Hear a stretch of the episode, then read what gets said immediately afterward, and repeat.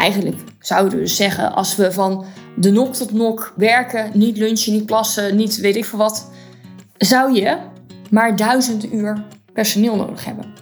Maar we hadden 2500 uur. Als we vervolgens die 1000 uur afzetten of vergelijken tegen die 2500 uur, kom je op 40%. Wat eigenlijk wil zeggen dat je personeel maar 40% declarabel is.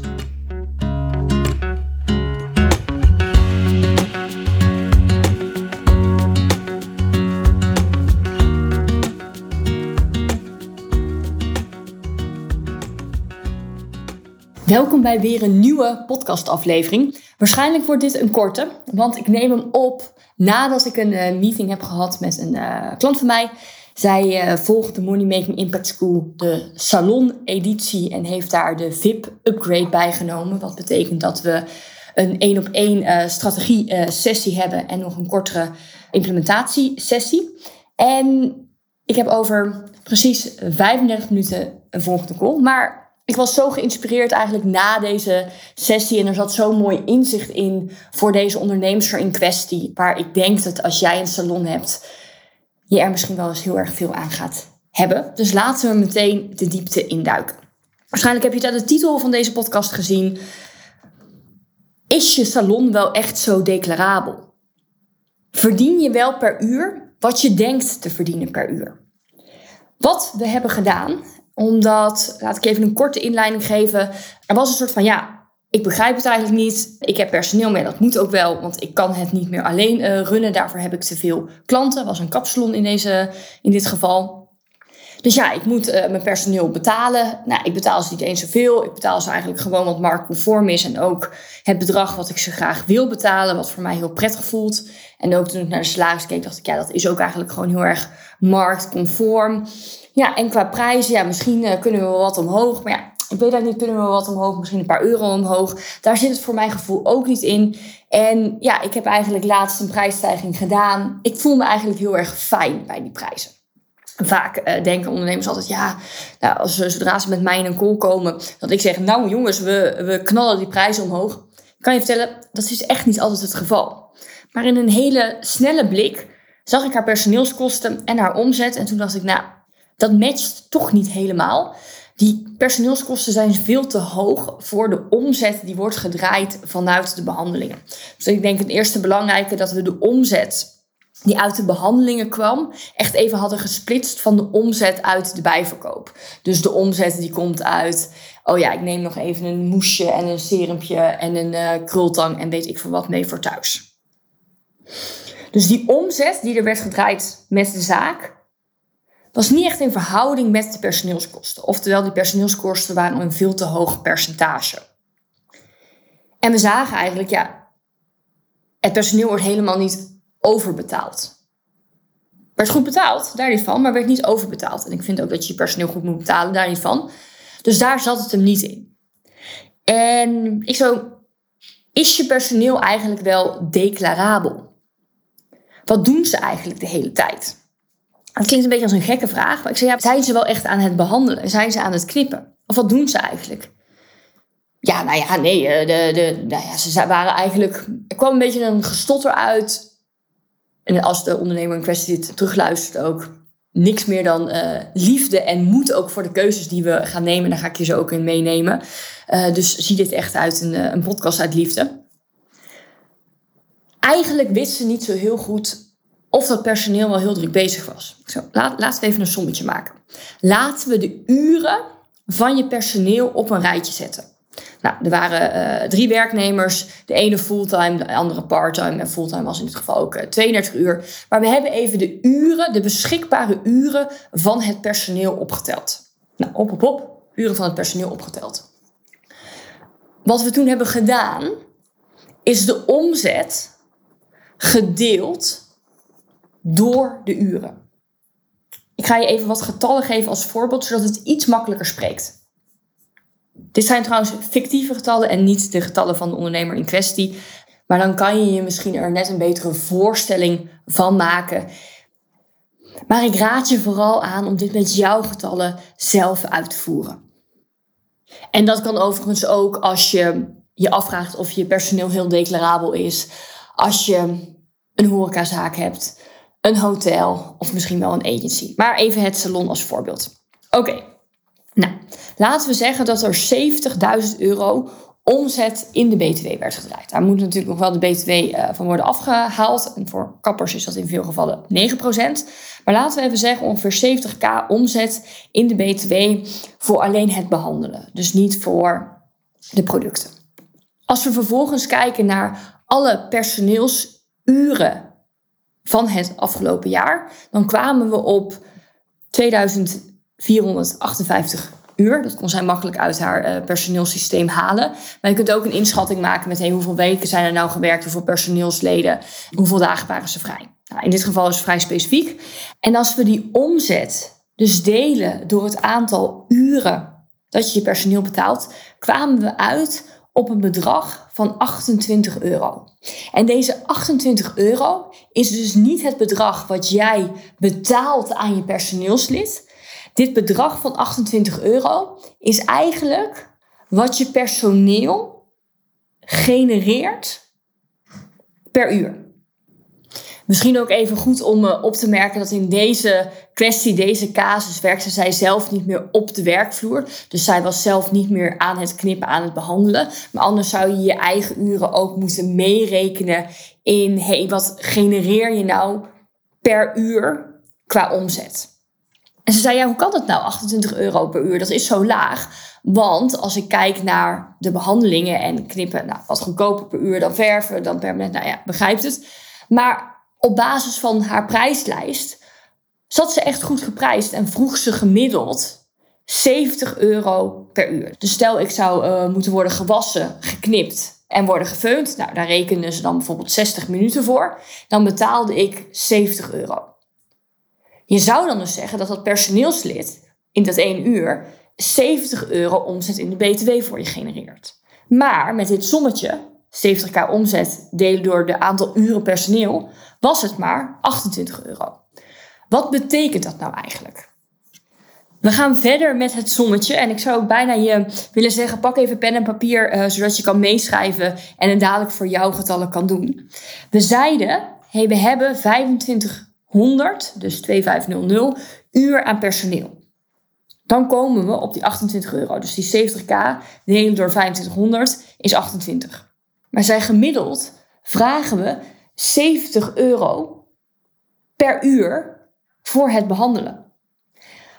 Als we die 70k zouden delen door 70 euro, kom je op 1000. Eigenlijk zouden we dus zeggen, als we van de nok tot nok werken, niet, lunch, niet lunchen, niet plassen, niet weet ik veel wat, zou je maar 1000 uur personeel nodig hebben. Maar we hadden 2500 uur. Als we vervolgens die 1000 uur afzetten of vergelijken tegen die 2500 uur. En ik ben heel benieuwd hoe je dit kan vatten in een audio. Laat me dat ook eventjes weten of dit een beetje voor je te volgen is. Kom je op 40%. 1000 ten opzichte van 2500 is 40%. Wat eigenlijk wil zeggen dat je personeel maar 40% declarabel is. Toen ik haar dat vertelde, en haar getallen waren net wat anders. Maar toen ik, toen ik haar dat vertelde, zag ik een soort van verontwaardiging. Ja, nee, dit hebben we vast verkeerd berekend. Angst, frustratie, maar ook een soort van boosheid op zichzelf. Misschien herken je dat wel, dat je zo van die momenten hebt dat je eigenlijk alle emoties tegelijk hebt. En niet helemaal weet welke je dan als eerste in zo'n in, in zo'n rijtje moet plaatsen. Dat je denkt, ja, ben ik nou vooral boos? Ben ik nou vooral chagrijnig? Ben ik vooral uh, gefrustreerd? Wat is het nou? En dus zei ja, klopt het dan eigenlijk dat degene die, dat bij haar was fulltime 32 uur, dat die eigenlijk van die 32 uur in de, in de week maar 12,5 uur echt klanten behandelt? Dan zei ik, ja, het is net iets anders, want we hebben ook vakantiedagen. Uh, noem maar op, want dit was personeel in vaste dienst. Dat gaat een beetje ver voor de, voor de rekensom in deze audio. Maar ik zei, eigenlijk kunnen we er wel van uitgaan als we dat iets zo ophogen, dat dat ongeveer het geval is. En zei, wat, wat, wat doen we dan? Zeg ik, ja, dit is de informatie om bij je team op te halen. En er kwam ook een soort van frustratie uit. Ja, ik moet ongeveer mijn personeel uh, ontslaan. Ze zitten te vlieren fluiten. Geïnspireerd door een andere podcast die ik, uh, ik wilde zeggen vanochtend, maar het was volgens mij gisterochtend luisterde. Over als je een team vol E-players wil, een team wat werkt als een machine, heb jij een leider te zijn die op die manier dat team aanstuurt. Ik zei, je moet met je team om de tafel door deze inzichten met ze te delen. Want er is een hele grote kans dat ze zich aan niet van een kwaad bewust zijn. En als je dan als een soort van boeman, ja, uh, jongens, we moeten meer werken, we moeten sneller, werkt dat heel vaak averechts. Dus de stappen die ik haar heb meegegeven, is om dit rekensommetje mee te nemen naar de personeelsvergaderingen, naar de personeelsmeetings of daar eentje expliciet voor in te lassen. Inzicht geeft zoveel eye-openers. En door die eye-openers weet je waarom het speelt, wat er aan de hand is. En is het ook voor zo'n personeel veel makkelijker om te veranderen, om daarnaar te handelen. Dus ik zei, oké, we brengen deze informatie eigenlijk in in een personeelsmeeting. Om vervolgens, ik zei dat is enorm lastig, open naar je personeel te luisteren van, hé, hey, wat denk jij nou waar de oorzaak zit? Wat denk jij nou dat er aan de hand is? Reken je eigenlijk een uur, maar ben je ongeveer anderhalf uur bezig? Zitten er heel veel gaten in de agenda? Lijkt het dus dat je vol staat, maar als je eigenlijk van 9 tot 4 werkt en je hebt drie keer een uur tussendoor waar je net niet echt lekker iets oppakt, ja, dan, dan, dan, dan moet de agenda anders worden gepland. Maar we moeten eerst de oorzaak naar boven halen waarom die declarabiliteit nou maar 40% is. En als je afvraagt, ja, maar deden, dat, deden die personeelsleden dan niet nog heel veel andere taken? Nee, heb ik haar ook gevraagd. Ik zei van, ja, doen zij ook bijvoorbeeld je social media, je administratie, uh, noem maar op, dat soort zaken. Zei, nee, daar heb ik eigenlijk allemaal andere mensen voor. Dus dat was niet het geval. Ze moeten met, die met het personeel om de tafel, hey, waar zit het er nou in? En het is niet alleen maar de taak om dat af te schuiven aan je personeel van hé, hey, hoe komt het door? Maar het is echt gedeeld. Zij moeten ook aan de slag van hé, hey, zitten er dan eigenlijk gaten in die agenda? Klop maar eens een behandeling. Die 60 minuten uh, permanent zetten, is dat echt 60 minuten? Of doen we er eigenlijk anderhalf uur over? Want dan is dus het bedrag wat je werkelijk verdient per uur ook heel anders dan de verwachting die je had. Dan verwachtte je in dit geval die 70 euro, maar dan is dat helemaal niet het geval. En kloppen je prijzen dus misschien wel weer niet en moeten we wat aan de prijzen doen. Maar met dit rekensommetje en het rekensommetje is vooral voor jou als je denkt: hé, hey, die personeelskosten zijn veel te hoog in vergelijking met de omzet. Maar het kan ook een fantastisch rekensommetje zijn om te controleren, te valideren of het bedrag per uur wat je verwacht te verdienen aan omzet ook de werkelijkheid is. En het gaat nooit om je maar meteen naar deze utopische wereld te halen 100% zijn. Je personeel is nooit 100% declarabel. Jij bent nooit 100% declarabel. Maar als je personeel eigenlijk geen andere taken heeft dan behandelen en daartussenin een beetje schoonmaken, zou je eigenlijk toch wel op minimaal 80% declarabiliteit willen zitten. Sommige medewerkers zijn misschien wat minder als zij ook bijvoorbeeld social media, eh, administratie, afspraakplannen erbij doen. Maar 40% is te laag. Dus wat hebben we in dit sommetje gedaan? De omzet van de behandelingen versus de uren die zijn gemaakt. Om te kijken, hé, hey, wat is dan eigenlijk het werkelijk verdiende tarief per uur? En klopt dat met je verwachting wat je per uur verdient? En als dat veel minder is, in dit geval dus 40%, zit er ergens iets niet goed in je declarabiliteit. Of in de verwachting wat je eigenlijk per uur verdient en wat de werkelijkheid is. En dit is puur het inzicht. En de besluiten die we maken op basis van het inzicht, dat zorgt voor resultaat, dat zorgt voor verandering. Want als we zo denken, oh ja, ja, nee, dat is niet best. En dan vanuit, oh ja, nee, dat is niet best, niks zou doen. Dus niet De agenda checken. Hey, zitten er gaten in? Met het personeel in gesprek om behandelingen te klokken. Hey, die 60 minuten zijn dat wel werkelijk 60 minuten. personeel er bewust van te maken. Een plan te maken. Maar vooral het daarna maandelijks monitoren. Dus maandelijks het sommetje uit gaan voeren. Hey, de omzet van die maand delen door het aantal gewerkte uren. Om de voortgang te monitoren en steeds weer bij te sturen. En dat getal, de omzet delen door de uren, was ook een van de getallen die we nu hebben gekozen om maandelijks te monitoren in de Moneymaker Planner. Ik zal ook eventjes een linkje van de Moneymaker Planner hieronder uh, in de podcast, in de show notes uh, neerzetten. Dat zorgt voor verandering. Ik ben heel erg benieuwd wat dit sommetje voor jou gaat doen, voor jou gaat betekenen. Altijd leuk als je het hebt berekend, dat je het me eventjes laat eh, weten. Kan het makkelijkste via Instagram, via mijn Instagram DM, marissa.bonans. En wil je nou zelf nog meer financieel inzicht uh, creëren voor je salon, dan is het downloaden van mijn gratis rekentool voor salons ook een uh, goede vervolgstap. In die rekentool, die rekentool geeft eigenlijk antwoord op de vraag: hey, hoeveel behandelingen moet ik nou verkopen tegen welke prijs? Welke bijverkoop? Maar ook welke kosten kan ik dan maken om op mijn droomsalaris, het gewenste salaris, uit te komen.